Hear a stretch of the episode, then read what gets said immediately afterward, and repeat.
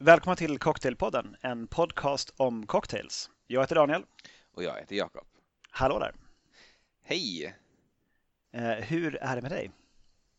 Eh, det är bra. Det är lite en speciell dag idag. Vi släpper ju inte det här avsnittet på en onsdag tror jag. Jag vet inte riktigt vilken dag det blir. En fredag hoppas jag. Det är lite av ett specialavsnitt kan man säga. Ja, eh, där du får blomma ut som, eh, som intervjustjärna, journalist rent utav. Ja. Eh, Medan jag får hålla mig i en helt annan ort och inte finna förekomma på inspelningen.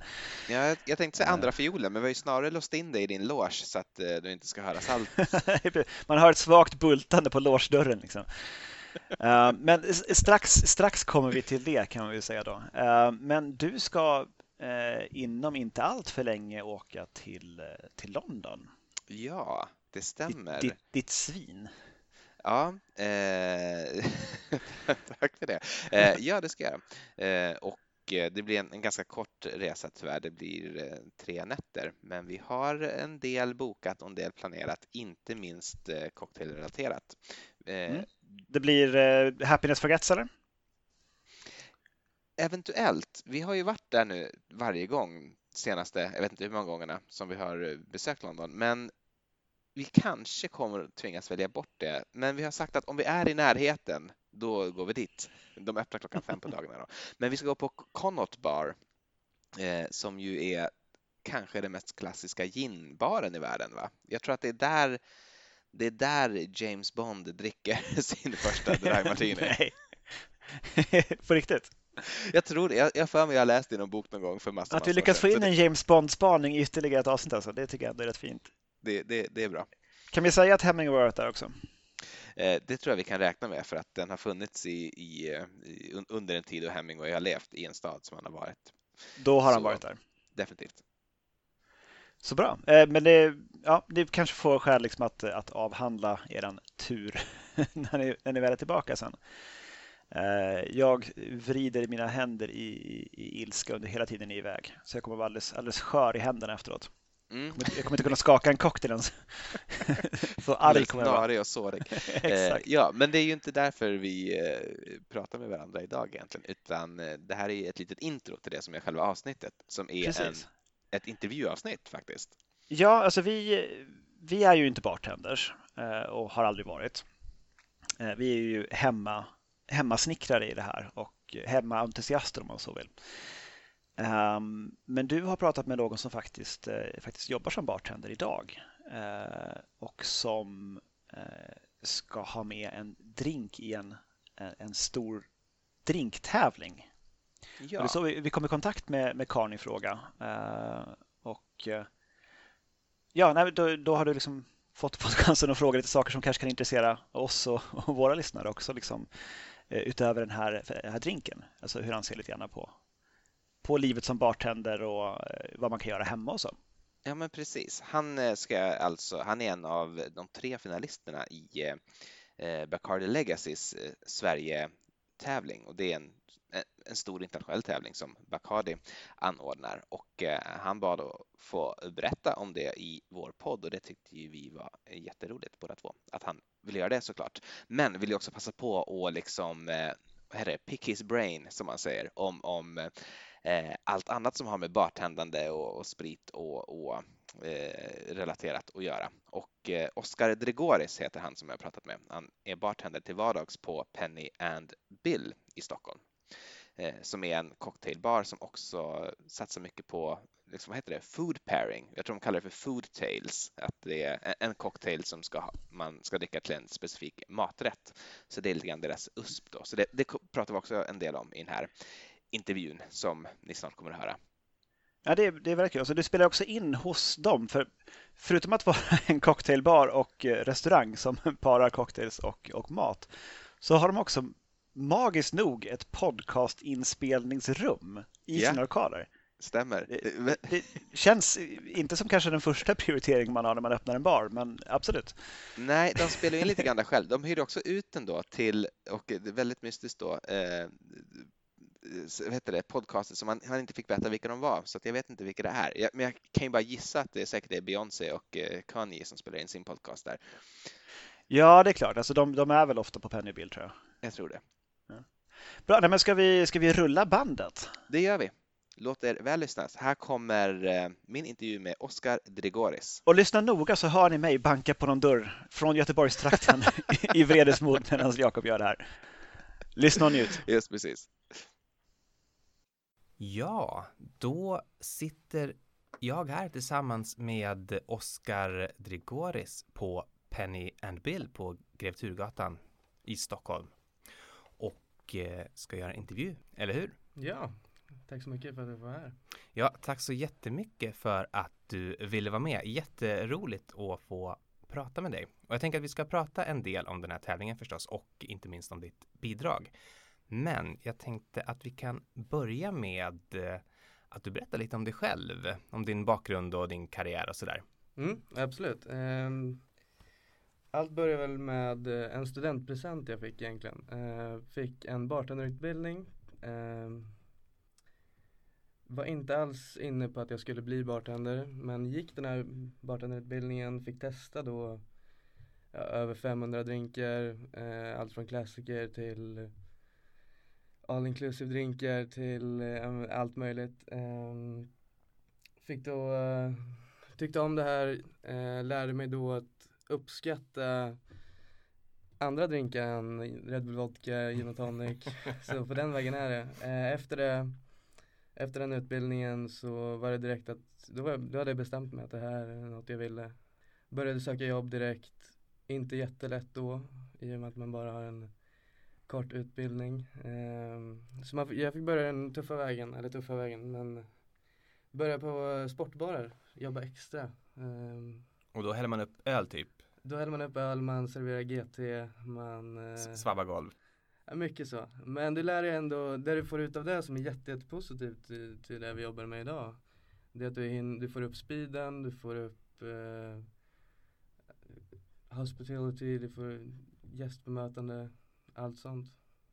Ja, eh, det kan jag tänka mig. I, vad skulle du säga att du har egentligen haft mest nytta av då i din eh, framtida karriär? Din utbildning eller dina första år på golvet där i sportbarerna? Alltså det är både och. Eh, utbildningen fick du tycka, du fick en känsla av var det, vart du vill komma i vad som är gott, vad jag tycker är gott och vad som kan utvecklas och i sportbarer där du lär dig liksom grunderna på ett helt annat sätt. Så det är en blandning av båda tycker jag. Ja, det låter, det låter rimligt. Eh, jag tänker att vi kan eh, köra någonting som jag kallar för snabba, snabba frågor och snabba svar. Ja. Eh, så tänk inte för mycket nu utan svara det som kommer upp i huvudet. Jag, jag kommer att ställa ett gäng, ett gäng frågor helt enkelt Yeah. så får du bara Yeah. svara på dem spontant då. Öl eller champagne? Öl. Vilken cocktail blandar du oftast åt andra? Whisky sour. Whisky sour och eh, när du blandar till dig själv då? Vilken eh, blir det då? Det blir oftast Manhattan. Okej, ja, du, det är whisky, whisky både till andra och till dig själv Mm. med andra ord. Eh, vart i Stockholm ska man gå ut om man kommer hit som besökare tycker du? Eh, man ska komma självklart till Pen and Bill. Eh, Haymarket. Nya grejen på Kaderbaren tycker jag är jätte, jättebra. Och självklart Tjoget. Just det, och eh, om du själv går ut då, är det någon av de här ställena eller? Det är oftast någon av de fyra faktiskt. Det är det? Ja okej, ja vad roligt, då kanske man ser dig där. Mm, det, det gör man. Man får kolla efter en eh, tatuerad kille med blond kalufs. Mm. Eh, vodka eller gin? Gin. Var det enkelt? Jätteenkelt. Eh, vilken är världens bästa barstad tycker du? Jag har tyvärr inte varit i New York än, så jag säger London. Ja, jag, jag tror att eh, vi är på samma Vi är på samma sida där. Ja, Eh, har du några förebilder i branschen? Eller idoler? ja absolut. Eh, Johan Evers, stor legend som jag får jobba med. Eh, jätte, jätte, var redan innan en stor profil som ser upp till jättemycket. Eh, Sasha var en stor som man har läst om, liksom aldrig han träffat tyvärr men stor. Sasha Petrask då antar Ja jag. men precis, precis. Hur gör man världens bästa dry martini enligt Oscar? Eh, det finns ju två skolor där. De som vill ha med bitter i. Eh, apelsinbitter då. Jag säger eh, utan bitter. Jag skulle ta 5 till 1 ratio på den. 5 gin, en del torr fransk vermouth. All right. Har du någon favoritvärmet? Eh, Nolly Pratt. Ja, klassiskt. Enkelt, klassiskt, jätte, jättegott. Kan inte du berätta lite om hur eh, det skiljer sig att vara en professionell bartender som du är jämfört med att vara hemmabartender som jag tror att eh, de flesta av våra lyssnare ser sig som? Det, det blir liksom Intresset finns ju där hos båda, hos båda parter. Det är mer att vi får äran att göra ha världens bästa jobb och kunna göra det vi vill och få betalt för det. Um, vi har alla redskap som behövs. Vi har inte bara det utan vi har de, alltså, så bra redskap som det går. Vi har en jätte, jätte lyx i vad vi gör. Uh, allt från ett jätte, jättebrett sortiment till att ha verktyg och is och tiden att kunna bara stå och producera det vi tycker om, kunna testa, kunna, kunna bli stolta över det vi kastar ut. Hur gör ni när ni eh, när ni eh, gör en ny meny för säsongen till exempel? Liksom R&D, hur funkar det? Det funkar som så att vi sätter upp eh, de eh, typer av familjer eller vad man ska kalla det eh, delar i menyn som vi vill ha, första steget. Att vi har från att ha aperitiv och drinkar till att ha sours till att ha det som är jätte, jättepopulärt just nu, low ABV cocktails. Mm, just det. Eh, till att ha stiffa drinkar som Manhattans, Martinis, Old Fashions. Och där någonstans börja hitta en spridning i, i både sprit och andra ingredienser. Att vi kan inte bara ha en om vi sätter upp en lista på drinkar som vi i barteamet tycker är jättegott då kommer det oftast bli mycket av samma, till exempel whisky som mm. är jätte, jättegott och jättebra produkt att jobba med men vi måste, för att få en mer publik lista så måste vi alltid hitta försöka använda alla kända eller alla stora spritsorter och vi, vi vill alltid jobba med så mycket andra produkter som, som det går. Liksom för att få en, få en, få en bra spridning och för att få det för hela eh, gästklientelet. Ja, det är klart. Hur, hur, långt i förväg behöver ni eh, liksom arbeta med det här? Håller ni redan på med sommarens eh, eh, drinkar? Det har vi inte gjort än, men det kommer nog strax. Vi satte precis en ny lista i, i lördags faktiskt som, som vi kommer köra som en liten mellanlista eh, där vi bara faktiskt jobbar med klassiker. Ja, vad roligt. Jättekul. Ja, vad spännande. Och, men, men antar jag då ändå med kreativt eh, liksom eh, ingång så att man man får göra det, det bästa man Absolut. själv kan av Det är inte för många remixes eller twister så utan vi utgår från originalrecepten och sen ha, använder vi de mått och de produkterna som vi tycker är bäst och mest lämpade för att få en, eh, en det vi tycker är den bästa av den. Mm. Det finns ju så hur mycket recept som, som helst på till exempel en Manhattan eller en whisky sour. Hur den ska serveras, vad man ska ha i. Vad har du eh, för tips till eh, hemmabartendern? Vad kan man tänka på när man, när man blandar drinkar hemma? Jag tycker man ska göra det enkelt. Eh, många tjatar om att ha mycket is och det är en självklarhet. Eh, mycket is, bra is. Eh, men redskap och liknande så jag tycker inte det är det viktigaste. Jag tycker det viktigaste är att du kan skaka en, till exempel en drink i en syltburk, i en vattenflaska, i en eh, gymshaker. Eh, fast det är ännu roligare att göra det i eh, såklart i en riktig cocktail, eh, cocktailshaker men såna, du kan producera jätte, jättebra drinkar på grejer som du har hemma i redskap. Eh, det är väl mer spriten det är ett måste. Alltså du måste ha ett sortiment och du måste veta det här vill jag göra, det här kommer inte funka. Um, men is, och sen alltså viktigast av allt tycker jag, gå ut, lämna hemmet och hitta det du gillar först. Mm. Du... Gå till cocktailbarer, fråga, fråga dig fram och hitta, men det här tycker jag om, det här tycker jag inte om. Och sen efter det så kan du ta med den här researchen hem och göra förhoppningsvis förbättra det Ja, och jätte, göra det ännu bättre eller ännu närmare din smakprofil. jätte, jättebra tips. Har du, har du eh, några böcker som du tycker man ska ha? Det har jag. Um, PDT, Please Don't Tells, cocktailbok har jag läst jätte, jättemycket. Ehm, en bra blandning från klassiska drinkar till moderna klassiska drinkar från 2000-talet. Också bra beskrivning på verktyg och också hur man, om man skulle vilja starta en bar, Mm. hur man gör det.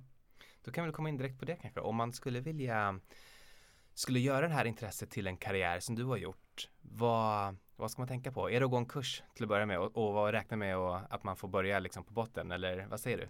Ehm, antingen går man en kurs som jag gjorde, ehm, men man ska inte förvänta sig att kunna kliva in som en cocktailbartender direkt. Det kommer aldrig funka. Andra sidan är att vara, jag har aldrig varit barback, men det är också en som de flesta bartenders börjar. Att de blir barback på ett ställe, jobbar sig upp, blir bartender, senare går vidare och till slut blir en barchef. Mm. Ehm, båda sidorna, det, du kan aldrig bli en cocktailbartender utan att ha jobbat dig uppåt. Det, det låter rimligt. Skulle, skulle du vilja ha en, eh, se- ser du en framtid där du har en egen, eh, egen bar? Absolut, det är väl alla bartenders dröm. det är väl det.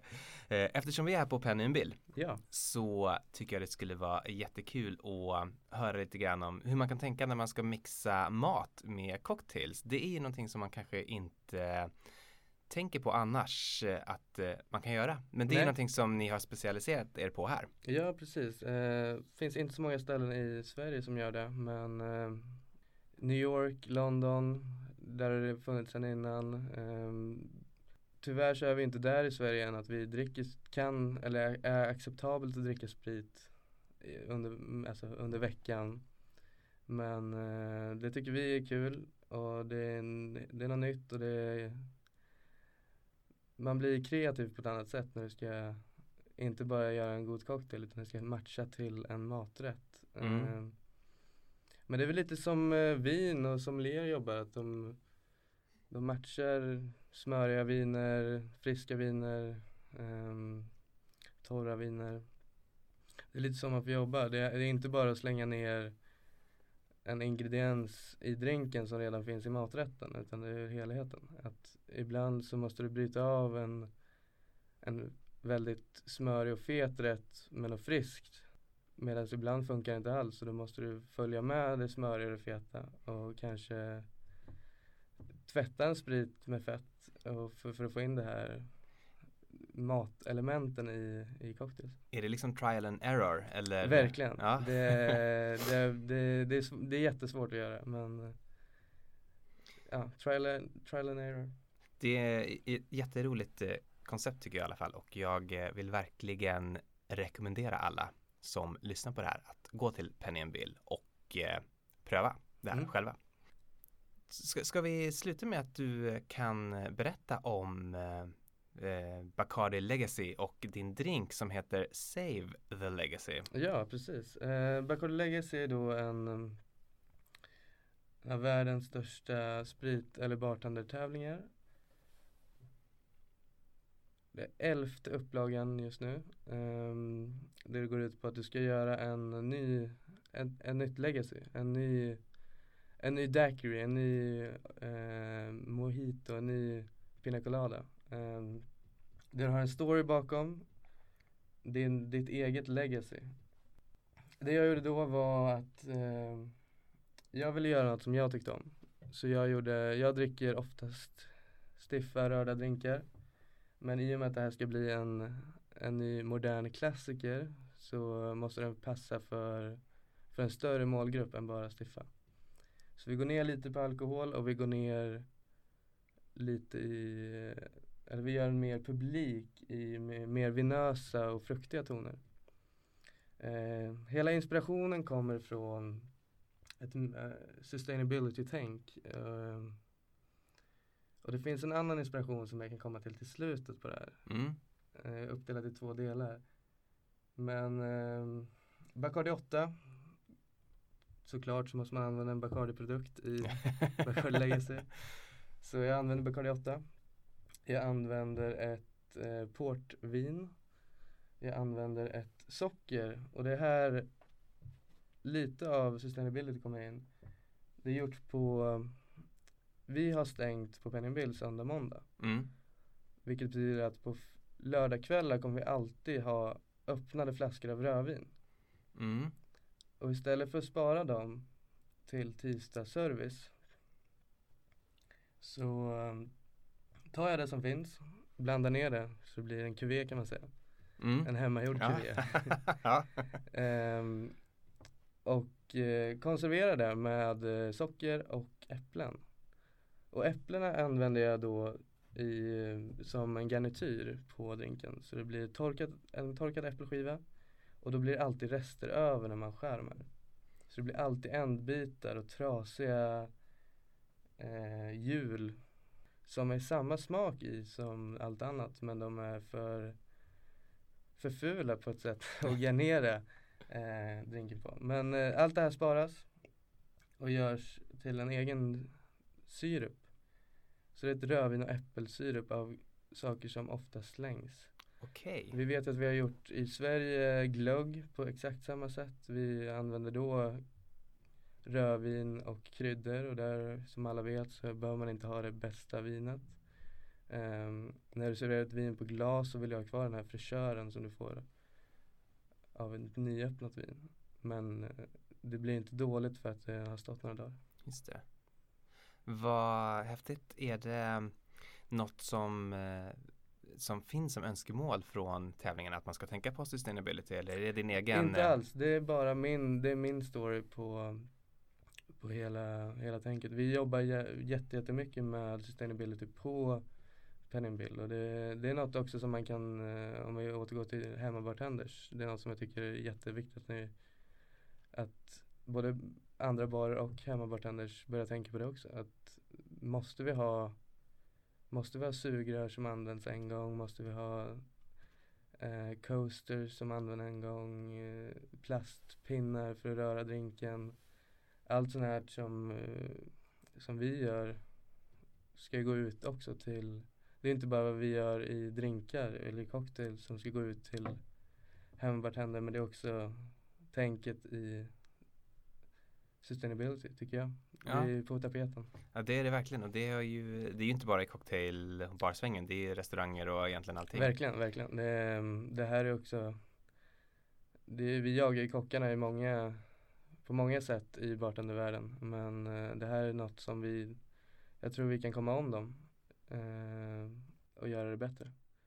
Om vi kan ha barer där vi inte slänger någonting. Allt från eh, det är bara att ta en där vi, vi har börjat göra, kolla i papperskorgen där vi jobbar. Vad här vad i papperskorgen behöver inte vara här. Det är fantastiskt. Eh, vilken, eh, vilken härlig eh, attityd eller insikt eller vad man ska säga. Och eh, det förklarar också namnet tänker jag. Save the legacy. Mm, precis, det, det, är inget ne- negativ ton i det utan det är bara, det har varit ett jätte, jättebra legacy. Producerat massa cocktails från klassiska till nya moderna klassiker. Men det här är mer att om inte vi börjar tänka på det här så kommer, så kommer det inte bli, så kommer det inte kunna ha ett legacy längre. Och för att bevara det så måste vi tänka på alltså, allt från små saker till stora saker. Och man behöver inte göra allt på en gång. Man kan lägga upp det att ha som mål, som vi också har börjat med. Vad kan vi göra varje vecka eller varje månad? Vad kan vi göra bättre? Och vad kan vi göra mer hållbart? Eh, jätteintressant. Jag tycker att det gav ett djup också till den som jag inte riktigt hade uppfattat egentligen innan när vi prat, pratade lite grann innan det här. Mm. Eh, jätteintressant verkligen. Vill du göra en kanske så kan jag få smaka hur den smakar? Ja, självklart.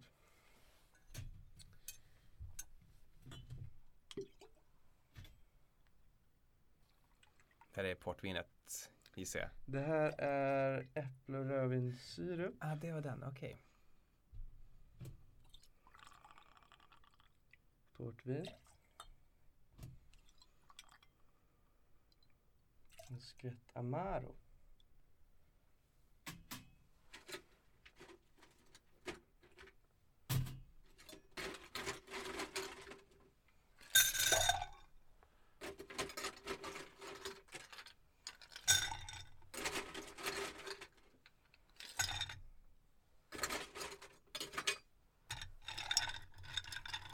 kan ju inte undgå att eh, se att det är väldigt vacker is ni har. Eh, Ja. Köper ni den eller fryser ni den själva? Vi, eh, vi har faktiskt en jättelyxig ismaskin som gör den här fina isen åt oss. Gud vad, vad bra. Det kanske är lite ambitiöst för en hemmabartender men den är, är verkligen härlig. Och fin klang också i glaset tycker jag. Ja. Men det är en jättelyx att få, precis, eh, få jobba med såna här grejer. Ehm, som du sa, jättesvårt att få tag i om man är en hemmabartender men Frysis hemma, det, det gör jag när jag är hemma och det är jätte, jätte, det är jätteviktigt faktiskt i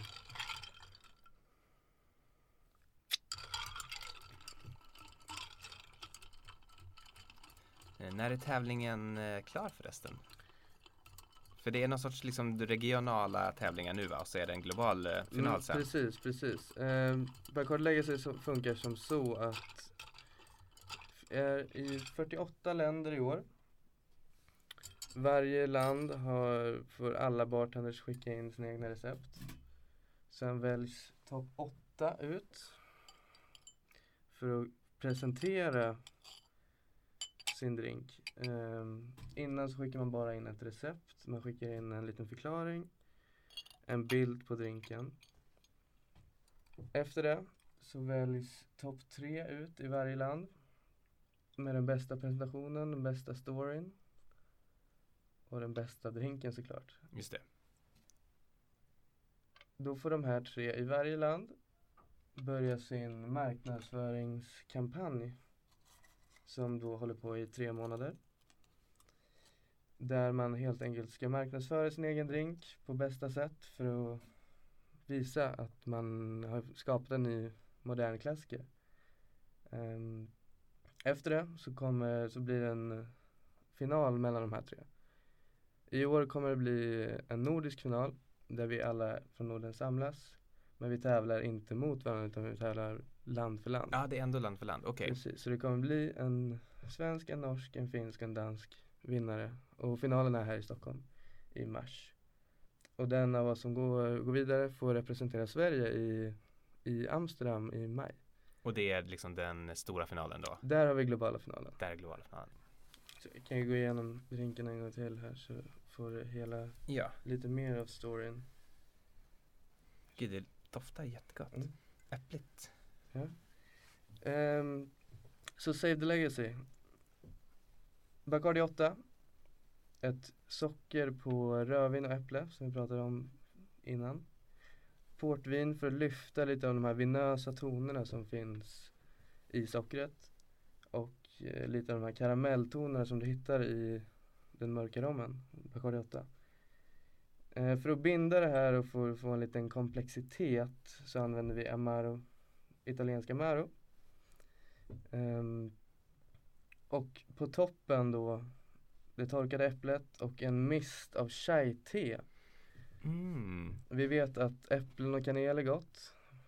Och chai-te innehåller ju eh, kanel, svartpeppar, ingefära bland annat. Vi vet att kanel och rom är gott, precis som i en Planters punch. Och vi vet att rom och äpplen går bra ihop. Så det här bygger liksom en brygga emellan alla smaker. Drinken kommer att få en helt annan doft än vad den egentligen smakar. Jag vill i en vanlig, nu serveras den här på is och i ett old Fashioned glas. I vanliga fall eh, använder man en doft av, eller en miss, en zest av någon typ av citrus. Jag har valt att inte göra det. För då blir det också att i en tävling så vad, kommer frågan komma att vad gör du sen med resten av citrusen? Mm. Såklart. Och därför använder jag inte då mig av någon zest utan jag använder mig av chai-te. Um, chai-te kan stå hur länge som helst. En mist av det ger en jätte, jätte, jätte fin ton tycker jag. Och den passar mer till, eh, till de som har lite svårare att dricka än en stiff, en rörig drink. Mm. Ehm, serveras på en coaster gjort av eh, överblivet eller egentligen eh, wasted te- eh, läder. I och med att Bacardi handlar så mycket om familj, ett av få stora brands som fortfarande ägs och styrs av familj, familjen så vill jag binda det här in i min drink på något sätt. Och eh, det är faktiskt min svärfar som som tapetserar möbler där man använder mycket läder. Och det här är då bitar som slängs tyvärr. Precis som när man tapetserar väggar så blir det svinn från när man skär av från stora, från stora lakan eller från stora större, större, större bitar. Det här hållbarhetstänket går verkligen igen i allting. Ja, men det är lite, det är helheten som räknas. Och det, är liksom, det här är från deras papperskorg. Eh, små bitar av läder som sys ihop i olika nyanser och texturer som blir coastern. Men väldigt, eh, väldigt vackra coasters. Ja, Även om det är på så att säga skräp Ja, så verkligen. har det verkligen eh, gjort någonting vackert av det. mm. Ska vi eh, ska vi Skåla. smaka?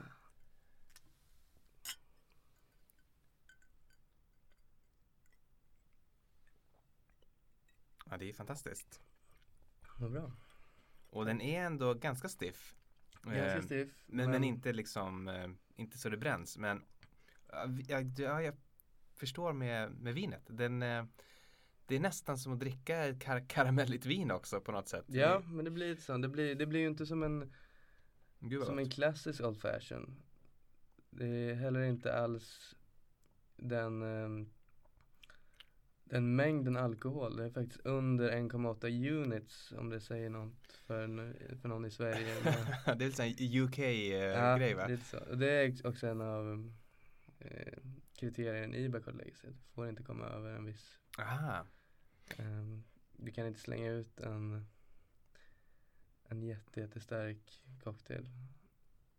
Jag tycker att det är, jag är väldigt glad att det är äpple och rom. Du sa att det går bra ihop eh, och det gör det ju. Jag tycker inte att man ser det så ofta, inte alls så ofta nog. Jag tänkte att Cal- Calvados skulle kunna vara en tiki-sprit men, eh, Ja. men, men det är det inte riktigt va? Nej, det är inte det. Ehm, alltså jag tycker personligen så tycker jag alltid att jag hittat jättebra smakkombinationer med rom och äpplen. Både ljus rom och mörk rom. Ehm, till exempel om man gör en enkel äppeldaiquiri. Um, krispigheten. Här använder jag mig av röda äpplen som passar lite bättre tycker jag till den mörka rommen. Mm. Istället för att ha det här ljusa Granny Smith. Ja precis, för det har ju inte den, det är inte den syran riktigt. Nej, precis. Ehm, och den här drinken blir ju ändå sött på sött på sött. Fast det balanserar ut varandra kan man säga. Ja, på något sätt gör det det. Eh, och jag tycker inte att den, alltså det, är, liksom, det är så många smaker men inte någon riktigt som jag kan liksom plocka ut heller. Det, det, det gifter sig verkligen. Det, det, är så, det är svårt att säga. Jag skulle inte kunna gissa vad det är i den utan, eller jag skulle nog kunna gissa på någon sorts vin men eh, annars skulle det vara väldigt svårt. Mm. Eh, en fantastisk drink och kan man få den här serverad någonstans eller får man vänta till efter tävlingen? Den här kan man få serverad såklart på Penny Bill. Um, har lite må- andra ställen som är på gång och ska börja sälja den. Uh, Twink i Göteborg har börjat sälja den. Jag vet att um, Haymarket har den. Det kommer komma andra cocktailbarer som har den också. Det kommer komma upp gästspel under februari. Där man är jättevälkommen att komma. Ehm, 2005, den 16 februari.